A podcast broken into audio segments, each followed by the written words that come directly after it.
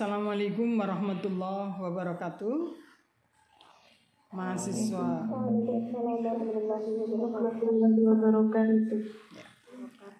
mahasiswa ibu di mana pun saudara berada pada kesempatan hari ini ibu mendoakan kepada kalian semuanya mudah-mudahan di mana pun berada dalam keadaan sehat walafiat tanpa ada satu halangan apa pun semua ada dalam kasih sayangnya Allah Subhanahu wa taala. Sehingga apa yang kita laksanakan mendapatkan ridho dari Allah dan seluruh amalia kebaikan kita juga dicatat sebagai amalan solihah amalan yang diterima amalan yang kelak nanti Allah akan membalasnya dengan dengan balasan yang sebaik-baiknya. Diperkenankan untuk membaca suratul Fatihah sebagai pembuka pada perkuliahan kesempatan hari ini. Silakan.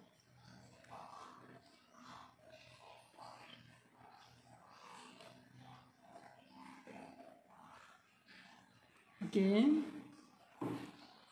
Pada kesempatan ini Ibu akan menyampaikan materi tentang lembaga sosial. Jadi di lembaga sosial kita dekatkan dengan multikulturalisme, maka lembaga ini adalah sebagai satu ikatan di mana perilaku-perilaku yang mencerminkan adanya penghargaan terhadap multikulturalisme bisa mendapatkan wadah, mendapatkan tempat. Dan satu perilaku per perilaku orang lain, satu komunitas tertentu kepada komunitas yang lain yang di dalamnya adalah perilaku untuk memberikan penghargaan memanusiakan manusia, menempatkan posisinya sebagai tempat yang sesuai dengan haknya, maka di situlah kita akan mengenal sebagai satu wadah, sebagai satu ikatan yang ada dalam masyarakat itu yang disebut sebagai lembaga sosial. Apa itu lembaga sosial? Jadi pada hakikatnya lembaga sosial itu dalam peristilahan orang sering menyebut dengan lembaga sosial yang kemudian ada dengan persamaan itu dengan istilah-istilah yang lain. Kita mendengar ada social institution ada lagi yang menggunakan istilah peranata sosial. Ada yang menggunakannya dengan lembaga kemasyarakatan. Ada yang tadi disebutnya sebagai ya lembaga sosial itu sendiri begitu ya. Tapi dari peristilahan-peristilahan itu semuanya mempunyai pengertian yang sama. Jadi di lembaga sosial itu akan adanya pemberlakuan atas norma-norma dan peraturan-peraturan yang mengatur pola perilaku manusia dalam masyarakat. Itu di lembaga sosial. Secara sosiologis tadi disebut dengan peristilahan yang bermacam-macam tadi sebagai lembaga sosial ataupun social institution merupakan seperangkat aturan yang berkisar atau yang ada dalam ruang lingkup kegiatan untuk melaksanakan satu kebutuhan tertentu dan institusi itu adalah sebagai badannya atau organisasinya di mana seseorang itu bersama-sama melaksanakan aktivitas sosial. Nah, menurut Surjono Sukanto disampaikan bahwa pada sudut pandang sosiologis itu meletakkan institusi sebagai lembaga kemasyarakatan artinya berarti merupakan sebuah jaringan daripada proses-proses hubungan antar manusia dan antar kelompok manusia yang memiliki fungsi untuk apa? Menjaga, memelihara, membangun hubungan antar manusia itu dengan pola-polanya dan dengan kepentingan-kepentingannya masing-masing dalam satu kelompok. Oke, jadi di situ artinya berarti sebagai wadah gitu ya. Sehingga terjadinya proses-proses hubungan antar manusia itu bisa berlangsung untuk mencapai satu tujuan tertentu dengan target tertentu dengan kepentingan tertentu begitu ya. Nah, kalau menurut Bruce bahwa lembaga sosial itu merupakan sistem pola sosial. Jadi sistem pola, pola sosial. Jadi ada pola-polanya. Pola sosial yang kemudian orang menyebutnya sebagai satu susunan yang yang relatif rapi, yang relatif permanen, artinya berarti tetap. Yang di dalamnya itu ada unsur di mana manusia menunjukkan perilaku tertentu perilaku yang terpadu untuk mencapai apa kebutuhan-kebutuhan pokok masyarakat yang ada di masyarakat itu. Jadi artinya e, sebagai sebuah sistem pola yang sudah diatur, yang sudah diakui bersama, yang sudah disepakati bersama, dijunjung tinggi bersama, kemudian yang digunakan dari itu untuk memenuhi kebutuhan pokok masyarakat, kebutuhan akan penerimaan, kebutuhan akan penghargaan, kebutuhan akan dicintai, kebutuhan akan disayangi, nah gitu ya. Sehingga dengan demikian bahwa di lembaga sosial ini berkaitan dengan kebutuhan manusia dalam masyarakat eh, yang organisasi dalam kemasyarakatannya itu memang terbentuk eh, begitu saja yang orang menyebutnya menjadi sebuah organisasi yang relatif tetap. Uh, dia memiliki terstruktur, jadi meskipun tidak terstruktur sebagaimana bagan dalam kepengurusan, tetapi terstruktur memang uh, secara alami terbentuk dan bertindak antar manusia dengan manusia yang lain itu saling terikat meskipun dia bukan ikatan seperti ikatan ada dalam hukum tetapi ikatan sosial yang terbentuk uh, dengan adanya interaksi antar manusia yang satu dengan manusia yang lain. Nah, bagaimana dengan keterbentukan uh, lembaga sosial yang ada di masyarakat? Menurut Suryono Sukanto bahwa tumbuhnya lembaga sosial itu karena masih manusia dalam hidupnya itu memiliki keteraturan. Manusia membutuhkan keteraturan. Manusia dengan keteraturan yang akan hidup lebih damai, akan lebih bahagia, akan lebih rapi, akan lebih harmonis. Nah, itulah maka uh, keteraturan itu menjadi diperlukan karena keteraturan itu memikat gitu. Artinya memikat itu memesona gitu ya, memesona. Coba kalau manusia hidup tanpa peraturan pasti tampak oleh kita bahwa kehidupannya menjadi kurang teratur, kehidupannya rumpek gitu ya. Kehidupannya sumpek, gitu karena tanpa teratur keteraturan tidak ada keteraturan gitu. tapi kalau hidup dalam keteraturan yang diatur oleh sendiri diatur sendiri oleh masyarakat oleh manusia oleh persona-persona yang ada itu maka kita yang ada di luar uh, itu akan merasakan begitu bahagianya begitu indahnya begitu harmonisnya oke Nah, untuk bisa menghadirkan keteraturan itu yang menjadikan sesuatu itu teratur, yang menjadikan itu rapi adalah norma. Maka manusia itu perlu adanya norma. Manusia itu perlu untuk memiliki rambu-rambu. Manusia perlu di, diberikan pengetahuan yang memadai dengan norma-norma ataupun aturan-aturan. Ada yang ada itu yang disusun dibentuk secara sengaja secara sadar secara berencana untuk mencapai satu tujuan baik secara personal maupun secara kelompok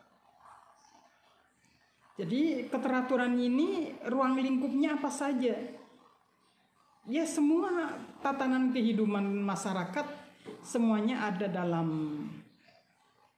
ruang lingkup kajian-kajian di mana keteraturan itu diperlukan.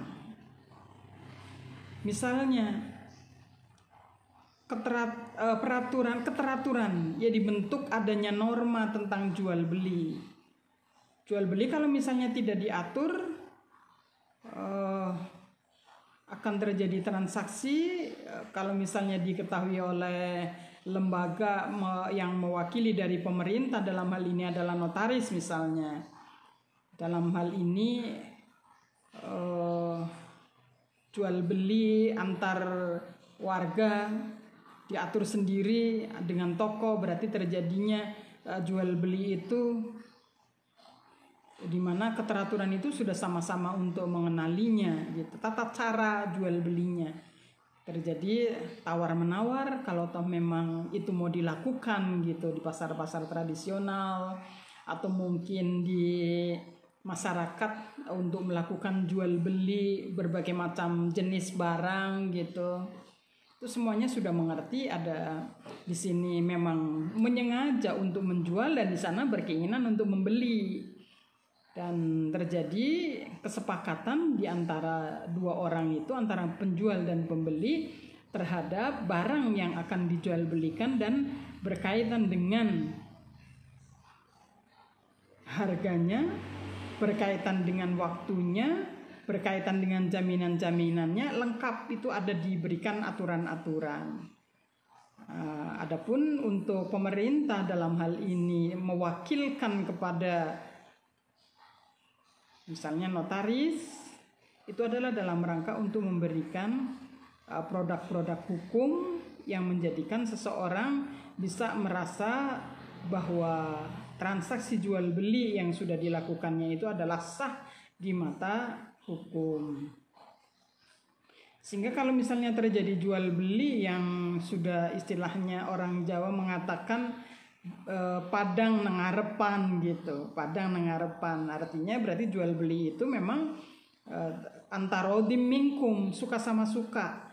Uh, barangnya sama-sama disuka harganya sama-sama suka teknik pembayarannya sama-sama suka. Terus kemudian kalau toh memang ada moh ada hiar gitu adanya perjanjian kesepakatan sama-sama diketahuinya. Gitu ya jual beli dan eh, kehidupan-kehidupan yang lainnya, tata cara kehidupan masyarakat yang lainnya dengan dinamika sosialnya, misalnya tentang pertunangan, ya Islam juga mengatur tentang pertunangan. Tidak boleh seseorang perempuan yang ada dalam tunangan seorang perjaka tidak boleh dilakukan pertunangan kembali dengan seseorang yang lain. Oke, ya ini dalam rangka apa untuk menuju keteraturan yang akan menjadikan uh, kedamaian, keharmonisan. Tapi kalau coba yang satu barang sudah dijual, dibeli oleh seseorang, surat resmi sudah terbit, tapi kemudian dijual lagi kepada orang lain, pasti akan menimbulkan konflik. Demikian juga seorang wanita yang sudah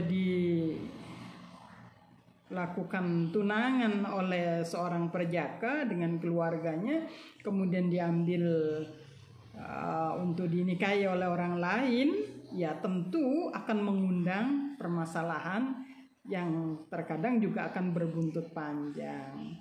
Itu karena uh, sesuatu yang menjadi rambu-rambu norma-norma itu diterjang gitu, dilangkahi, dilewati, maka akan menjadikan tadi keteraturan menjadi terkoyak. Oke. Ya, kalau hal itu terjadi, siapa yang akan menanggung? Tentu tidak hanya yang bersangkutan saja, tetapi seseorang yang melingkupinya, keluarga yang melingkupinya, uh, masyarakat yang melingkupinya, terus kemudian uh, negara yang melingkupinya. Kalau toh memang dalam skala yang lebih besar, jadi artinya kalau ada pelanggaran yang dilakukan oleh satu orang itu tidak hanya berdampak terhadap satu orang dengan orang yang bersangkutan saja, tetapi di dalamnya juga memberikan imbas kepada yang lainnya. Oke, jadi orang-orang yang kadang menjadi penggembira gitu ya, tim hore gitu istilahnya, karena dia nggak nggak bawa risiko, cuma dia pengen rame-rame saja gitu, malah semakin untuk memperkeruh gitu suasana ya yang menjadikan uh, sesungguhnya permasalahan uh, sederhana akan menjadi lebih kompleks dan seharusnya hanya cukup satu orang yang menderita menjadi banyak orang yang yang tersiksa gitu ya. Oke, demikian juga hal-hal kecil gitu, hal-hal kecil yang menyangkut tentang cara terhadap satu bentuk perbuatan yang dia ini menyimpang yang sebenarnya seakan-akan tidak mengakibatkan hukuman berat. Hanya sekadar celaan dari individu yang melakukannya dengan komunitas uh, keluarganya yang kecil gitu ya. Tetapi juga akan menjadi lebih besar. Ya hanya sekadar kehidupan sehari-hari misalnya ya. Kebiasaan individu karena ada perilaku menyimpang. Jadi kenapa dia ini sore-sore kalau menjelang maghrib kok mesti berdiri di pinggir jalan begitu ya kan? Tidak ada yang salah berkaitan berdiri di pinggir jalan begitu di waktu maghrib. Berdirinya nggak ada masalah. Tapi terus kemudian misalnya disamperi sepeda ontel sepeda motor mobil. Nah itu terus kemudian akan menimbulkan sebuah perbuatan yang jauh melampaui itu yang seakan-akan dari sebuah perbuatan yang sederhana tetapi berdampak serius. Oke. Atau hanya sekedar cara makan dan cara minum yang kita ini uh, tidak memiliki table manner, tata cara di meja makan misalnya ya. Kalau misalnya tidak memiliki perat keteraturan itu tanpa kita ini ikut merasakannya itu table manner yang ada di peraturan di meja makan dalam keluarga tentu uh, diawali untuk mendahulukan orang tua, mendahulukan mengambil sesuatu yang terdekat. Oke. Tidak melangkai orang yang dituduh di sampingnya mau ngambil yang paling ujung sana lauknya nah gitu ya uh, itu keteraturan-keteraturan kayak gitu kalau misalnya terjadi ketidakteraturan maksud ibu. Ketidakteraturan yang ketidakteraturan yang terjadi di meja makan juga akan menimbulkan sesuatu yang tidak nyaman. Oke. Perbuatan-perbuatan yang sederhana bisa untuk menimbulkan ketidaknyamanan. Makan dengan berdiri, minum dengan berdiri, sementara kita sedang bersama-sama dengan yang lainnya, makan berkecap, mengambil maaf mengambil selili di depan orang. Itu kan sebuah perbuatan yang sederhana tetapi bikin ketidaknyamanan dalam situasi yang seharusnya itu menjadi indah menjadi sesuatu yang sedang menikmati apa namanya hidangan karunia Allah. Tetapi karena ada pemandangan yang kurang enak menjadikan mengganggu ya oke dan apabila itu dilakukan berulang-ulang maka akan menjadi signature. Apa itu signature? Signature itu penanda wis dicap gitu. Wah kayak nek begini-begini wah kayak nah kayak gitu. Makanya segala perilaku kita itu harus dijaga. Oke, sebagai bagian eh, apa namanya keindahan yang kita miliki, keindahan yang kita miliki yang akan berdampak baik sengaja maupun tidak itu menjadikan kita itu dirindu oleh orang lain. Kita disukai, kita disenangi kehadirannya. Artinya menjadi daya pikat yang kuat kepada orang lain, kepada orang tua, kepada kerabat, kepada atasannya, eh, pada pimpinannya yang itu nanti berbuahnya menjadi berbuah baik, menguntungkan buat kita gitu ya. Oke, jadi jangan menyepelekan sesuatu yang sederhana. Jangan menyepelekan sesuatu yang sederhana. Kita ada dalam keteraturan ya. Oke. Nah, sekarang keteraturan ataupun pola-pola itu yang di dalamnya ada norma-norma itu ada pemegangnya. Siapa pemegang pemegang norma itu sesungguhnya? Ya pemegang norma itu sesungguhnya adalah ya masyarakat itu sendiri dan kemudian kalau toh memang itu ada dalam peraturan-peraturan yang di dalamnya ada e, mengatur tata keteraturan itu yang dimaknai dalam peraturan adat misalnya ya peraturan adat maka kemudian ya uh, adat yang memiliki peran Siapa pemilik uh, pemangku adatnya? Ya berarti orang yang disepuhkan. Nah, kalau misalnya dia adalah eh, dalam komunitas muslim di mana peraturan-peraturan itu, norma-norma itu ada dalam Islam ya berarti kalau begitu siapa pemegangnya? Pemegang yang dalam hal ini adalah seakan-akan menjadi hakimnya adalah ya para kiai gitu ya tetapi yang sesungguhnya yang memiliki peran untuk menjaga norma-norma itu tetap dijunjung tinggi oleh masyarakat, tetap disanjung oleh masyarakat, tetap diakui sebagai aturan yang melekat pada diri masyarakat, iya masyarakat itu sendiri. Nah, masyarakat siapa? Ya dari person ke person, dari orang ke orang. Itulah yang kemudian memiliki peran, ya. Sama seperti yang ada di Bali. Oke, yang ada di Bali itu ada eh, pemegang adat gitu. Orang-orang yang ada di masyarakat Bali ada aturan kalau misalnya memetik pohon ataupun menebang pohon yang tanpa izin pemangku adat maka akan dikenai sanksi adat. Oke. Kita mungkin sudah pernah melihat di Bali gitu ya. Pohon apa namanya? Pohon kelapa di Bali.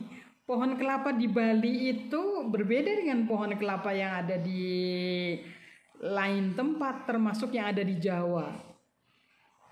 Di Jawa sebatang pohon kelapa pasti ada anak tangga anak tangga yang bisa digunakan oleh eh, orang yang mau manjat kelapa. Artinya berarti ada anak tangga. Jadi si pohon kelapa itu di apa ya dicacah. Apa istilahnya tuh? dibongkah gitu ya, dilukai gitu si batang pohon kelapanya itu sesuai dengan keinginan si pemilik itu atau yang mau memanjat itu dia jaraknya dekat ya berarti dia akan akan bikin lagi lobangan lobangan lagi gitu cukup untuk kakinya memanjat. Terus gitu sampai ke atas. Tapi kalau di Bali nggak ada. Tidak boleh. Memang adatnya mengaku mengatur demikian tidak boleh melukai tanaman, pohon-pohon nggak boleh. Ada kena sanksi ada. Nah sanksinya apa? Ya ditentukan di sana gitu. Apakah dengan membayar denda? Apakah dengan melakukan kegiatan apa yang menjadi setimbang, setimpal dengan apa yang dilakukannya ya. Jadi ada bisa untuk mengatur keteraturan-keteraturan di mana perbuatan-perbuatan yang boleh dilakukan, yang boleh dianjurkan oleh seseorang dan mana yang tidak boleh dilakukan itu semuanya mengaturnya. Dan semua yang ada dalam lingkup wilayah itu harus menyesuaikan ataupun mengikuti uh, aturan adat yang berlaku di sana. Bisa jadi nanti akan ada pelanggaran-pelanggaran yang dilakukan oleh seseorang nanti akan ada diberikan sanksi moral yang berat sesuai dengan hukum adat. Nah, hukum yang ada di Aceh misalnya dengan istilah konun gitu ya. Orang berhalwat. Laki-laki perempuan itu duduk berjejer, tidak ada orang lain, uh, yang ada dalam area itu ketahuan oleh petugas dari pemerintah resmi maka kemudian akan di uh, di ini diberikan sanksi yang disebutnya sebagai uh, konun gitu ya. Jadi dia akan naik ke atas panggung yang ditentukan kemudian akan dilakukan dera gitu ya. Dan ini menjadi satu hal yang memang harus apa namanya harus diakui bersama. Memang aturannya begitu. Di mana? Di Aceh ya. Di Serambi Mekah. Di di Banda Aceh ya kan? Ya memang uh, dari Komisi Hak Asasi Manusia ya memandang bahwa itu tidak mendidik, bahwa itu apa namanya melanggar hak asasi manusianya untuk melakukan dinamika sosial. Oke, tapi kemudian karena memang ini sudah diakui, di, uh, sudah diterima oleh masyarakat, ya orang lain yang ada di luar itu tidak memiliki kuasa untuk bisa berprotes gitu ya. Tidak bisa berprotes. Ya, karena memang itu sudah aturannya warga masyarakatnya sudah dikenalkan sudah disosialisasikan tentang hukum itu aturan itu norma itu. Kemudian dia ada dalam wilayah itu otomatis berarti mengakui adanya norma-norma itu untuk diberlakukan dan sanksi-sanksi moralnya pun melekat di sana maka ya kalau toh memang rambu-rambu itu dilanggar ya sudah. Sanksi harus siap untuk diterimanya dan tidak ada tuntutan. Ya, dan pemerintah tidak akan memberikan perlindungan bagi mereka yang melakukan pelanggaran atas norma-norma yang diberlakukan gitu. Sehingga harapannya dengan begitu akan terjadi harmonisasi eh, kehidupan dalam kegiatan bermasyarakat dan bernegara ya nah syarat ataupun satu norma dia akan melembaga dalam satu sistem sosial itu apabila apa dalam komunitas itu, dalam warga itu sistem sosial itu sudah bisa untuk diterima. Sudah dijiwai oleh sebagian besar warga masyarakat dan semuanya bisa menerima atas sanksi-sanksi yang ada gitu. Jadi eh, penerimaan satu norma itu diberlakukan karena adanya penerimaan dari warga masyarakat seba sebagai sistem sosial tersebut dan menerima atas sanksi-sanksi sanksi-sanksi yang ada dan disepakati secara bersama. Nah, proses untuk pelembagaan dari norma-norma itu bagaimana? Jadi satu proses norma sosial itu baru menjadi bagian dari salah satu lembaga sosial uh, jika norma tersebut sudah diketahui, dipahami, dimengerti, kemudian ditaati, dihargai, dijunjung tinggi, diakui, ya gitu oleh masyarakat. Nah, itu kemudian akan ada internalisasi. Internalisasi itu berarti melembaga gitu. Melembaga itu berarti tercermin dalam kehidupan satu orang per seorang. Jadi menginternalisasi pada diri seseorang. Artinya menjadi milik seseorang gitu, menjadi milik seseorang. Artinya norma-norma yang menjadi aturan-aturan yang ada dalam masyarakat itu menjadi milik saya. Karena memang milik saya apabila saya melanggar, maka saya siap untuk menerima sanksinya. Ah, seperti itu. Itulah yang namanya proses internalisasi. Jadi sudah menjadi milik saya. Perilaku taat, beribadah harus menginternalisasi pada diri saya sehingga kewajiban-kewajiban untuk melaksanakan ibadah itu menjadi bukan sebagai satu beban tetapi menjadi sebuah kebutuhan bagaimana seseorang itu oh, melakukan norma-norma beragama di dalam melaksanakan sholat misalnya gitu. Eh, norma-normanya itu uh, dalam kewajiban-kewajiban sebagai seorang muslimah kayak gitu kan ya memang kalau misalnya dalam pelaksanaan ibadah sholat sebagai norma-norma seorang muslimah harus melaksanakan sholat. Kalau tidak melaksanakan sholat maka akan terjadi apa-apa-apa yang itu akan mencerminkan disharmoni dalam keluarga misalnya kan. Karena dia dianggapnya melanggar maka kemudian akan memicu orang lain untuk bisa memasalahkan apa yang dia tidak lakukannya gitu. Kowe kok rasolat kowe kok begini kowe kok begitu. Sehingga akan memicu adanya konflik kecil yang ada dalam masyarakat yang kemungkinan nanti akan tumbuh semakin besar konflik-konflik itu. Nah, itu harus ada dalam internalisasi pribadi per pribadi bahwa uh, titel sebagai seorang muslimah itu berarti ya komplit, paket komplit. Artinya tidak ada unsur paksaan, tidak ada permohonan adanya apresiasi, penghargaan, saya sudah melakukan sholat sehingga mana dong hadiahnya ya tidak ada. Karena itu sudah proses internalisasi sudah melekat pada diri seseorang.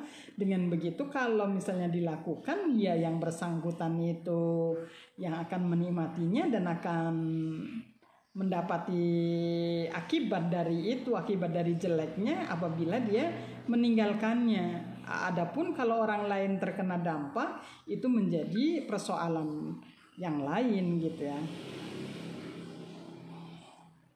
Nah, bagaimana untuk proses berikutnya? Karena kalau sudah perkembangan di masyarakat uh, sudah diketahui bahwa ada norma itu, kemudian sudah dipahaminya, sudah dimengertinya, dan siap untuk mentaatinya dan menjunjung tinggi serta siap untuk menerima sanksinya, maka bagian dari ini adalah sebagai apa? kebutuhan. Artinya apa? Saya melakukan itu menjadi sebuah kebutuhan saya untuk hidup tertib, untuk hidup teratur karena toh saya juga yang akan merasakannya karena sudah mendarah daging, sudah menginternalisasi pada diri seseorang wis mendarah daging Oke. Ya. Artinya penghayatannya sudah sampai gitu ya. Nah, nah sekarang jenis lembaga sosialnya apa saja? Yang pertama adalah keluarga. Di mana keluarga ini sebagai satu lembaga yang berfungsi untuk apa? Membangun kebutuhan akan kekerabatan. Oke.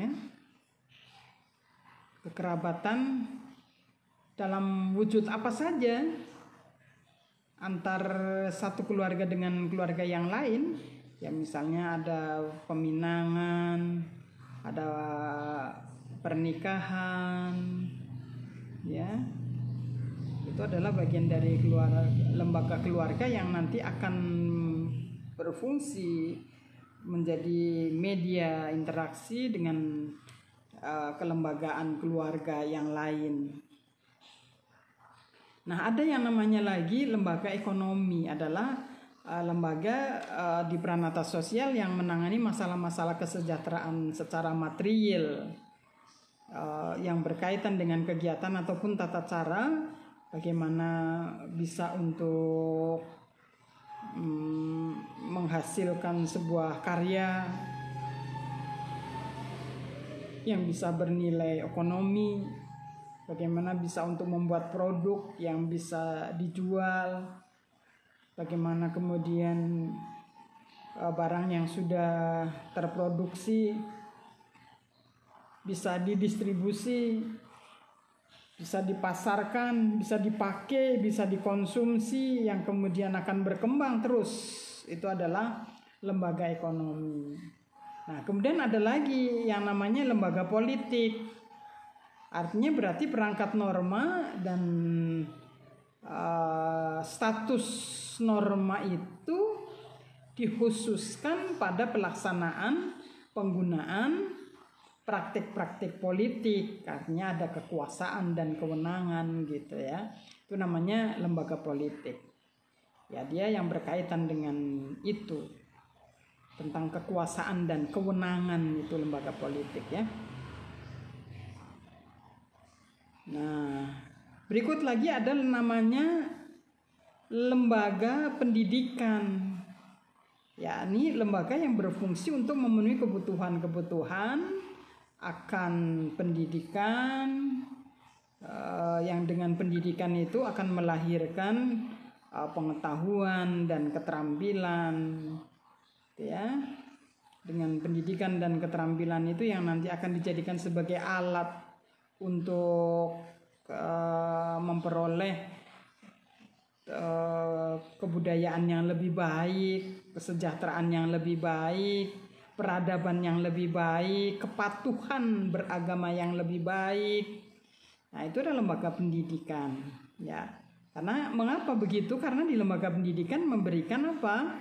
Memberikan pengetahuan, membangun sikap, memberikan keterampilan yang dengan pengetahuan, sikap dan keterampilan itu bisa untuk membekalkan seseorang berpikir secara baik, menghasilkan sebuah karya, menghasilkan sebuah produk, menghasilkan sebuah ke, apa namanya kemampuan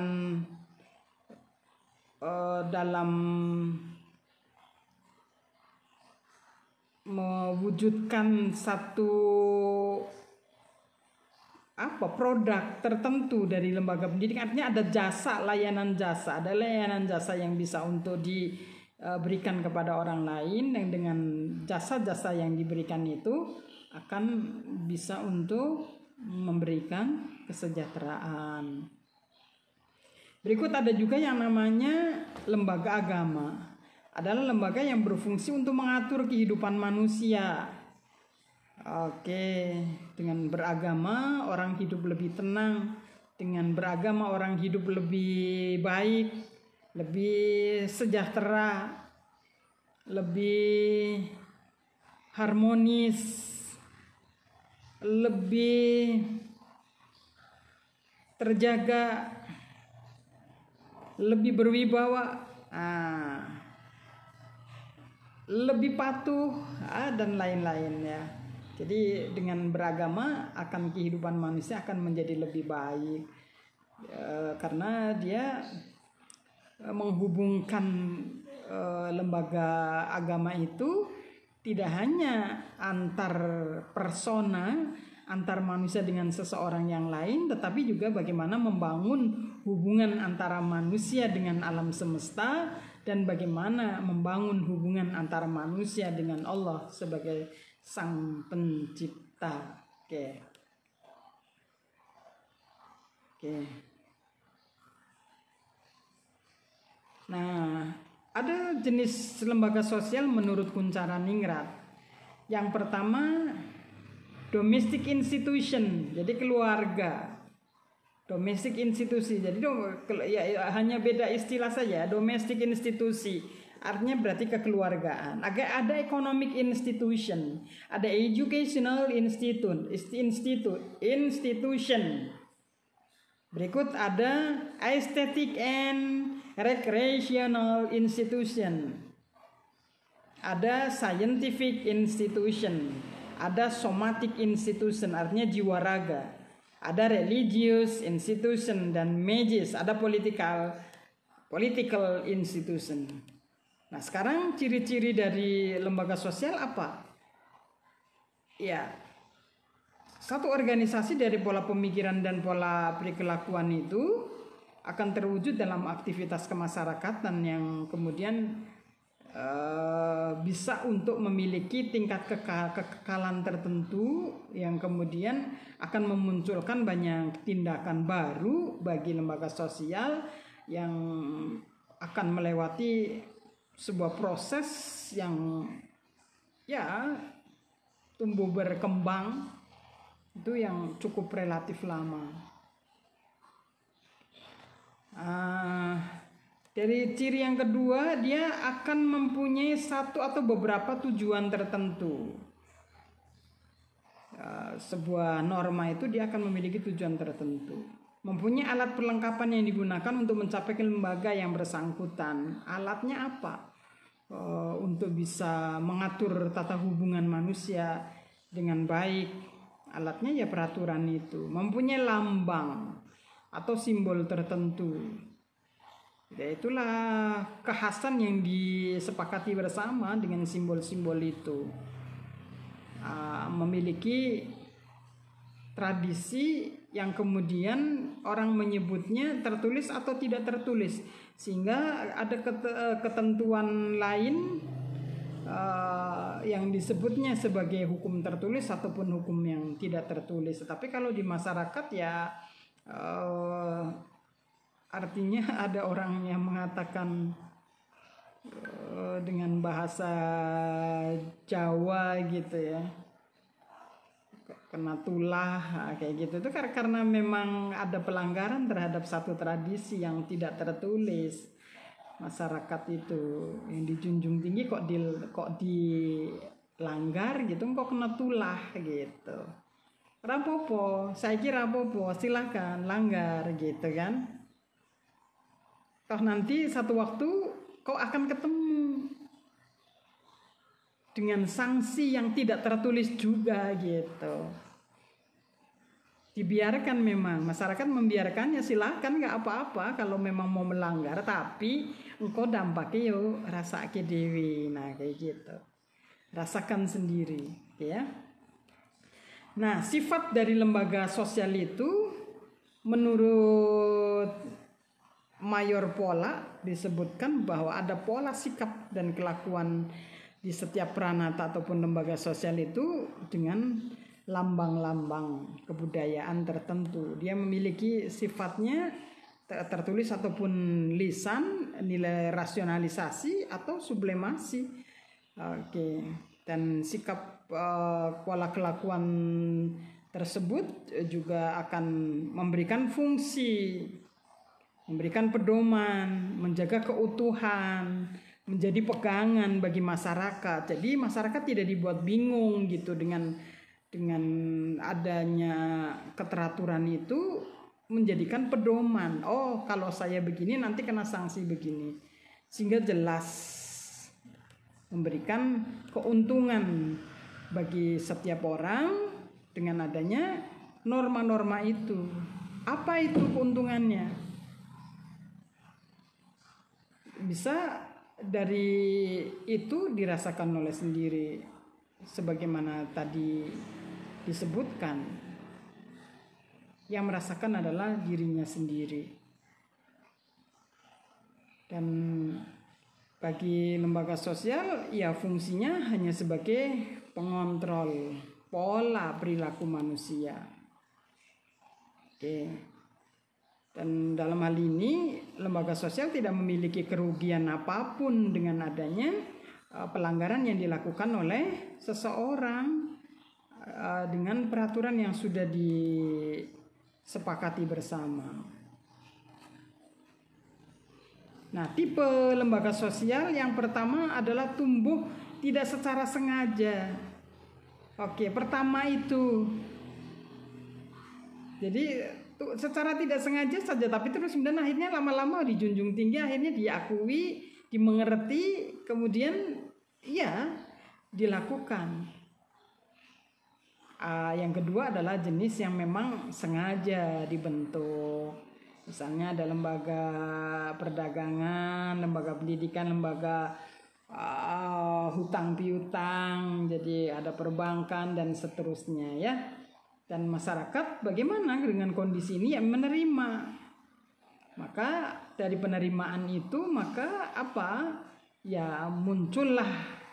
Ada sekolah ada perusahaan dagang ada uh, sistem nilai yang lain yang bisa ya dilakukan oleh keluarga sekolah dan negara ya.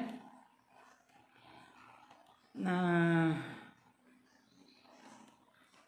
ada oh, fungsi yang disebutnya sebagai operatif institution adalah lembaga berfungsi untuk menghimpun pola ataupun cara yang diperlukan untuk mencapai tujuan. Oke, ada regulasi yakni ya pemegang ini pemegang e, lembaga hukum. Jadi institusi itu sifatnya ada operatif dan juga ada regulatif. Nah, kalau operatif ya berarti bagaimana mengatur eh, satu aturan itu bisa dijalankan ataupun tidak itu namanya operatif institution. Ada yang sifatnya adalah regulatif institusi hanya untuk mengatur gitu. Nah, lembaganya mana? Lembaga pengadilan kejaksaan gitu ya. Oke. Nah ada juga lembaga sosial masyarakat yang mengatur pergaulan hidup manusia yang berkelompok. Itu dalam pola kehidupan manusia juga diakui uh, sebagai peranata induk di mana lembaga yang ditandai dengan banyaknya anggota masyarakat yang masuk dalam keanggotaannya baik itu lembaga keluarga, agama, pendidikan, ekonomi, politik maupun yang lainnya. Ada peranata pembantu, jadi sub uh, ordinasi dari institusi, misalnya dengan uh, kumpulan ibu-ibu, kumpulan anak muda itu namanya uh, peranata pembantu. Oke ya, uh, itu adalah macam-macam dari uh, peranata sosial ataupun social institution ya. Oke, saya kira itu yang bisa Ibu sampaikan. Mahasiswa ada yang mau bertanya, diberikan kesempatan. Silahkan.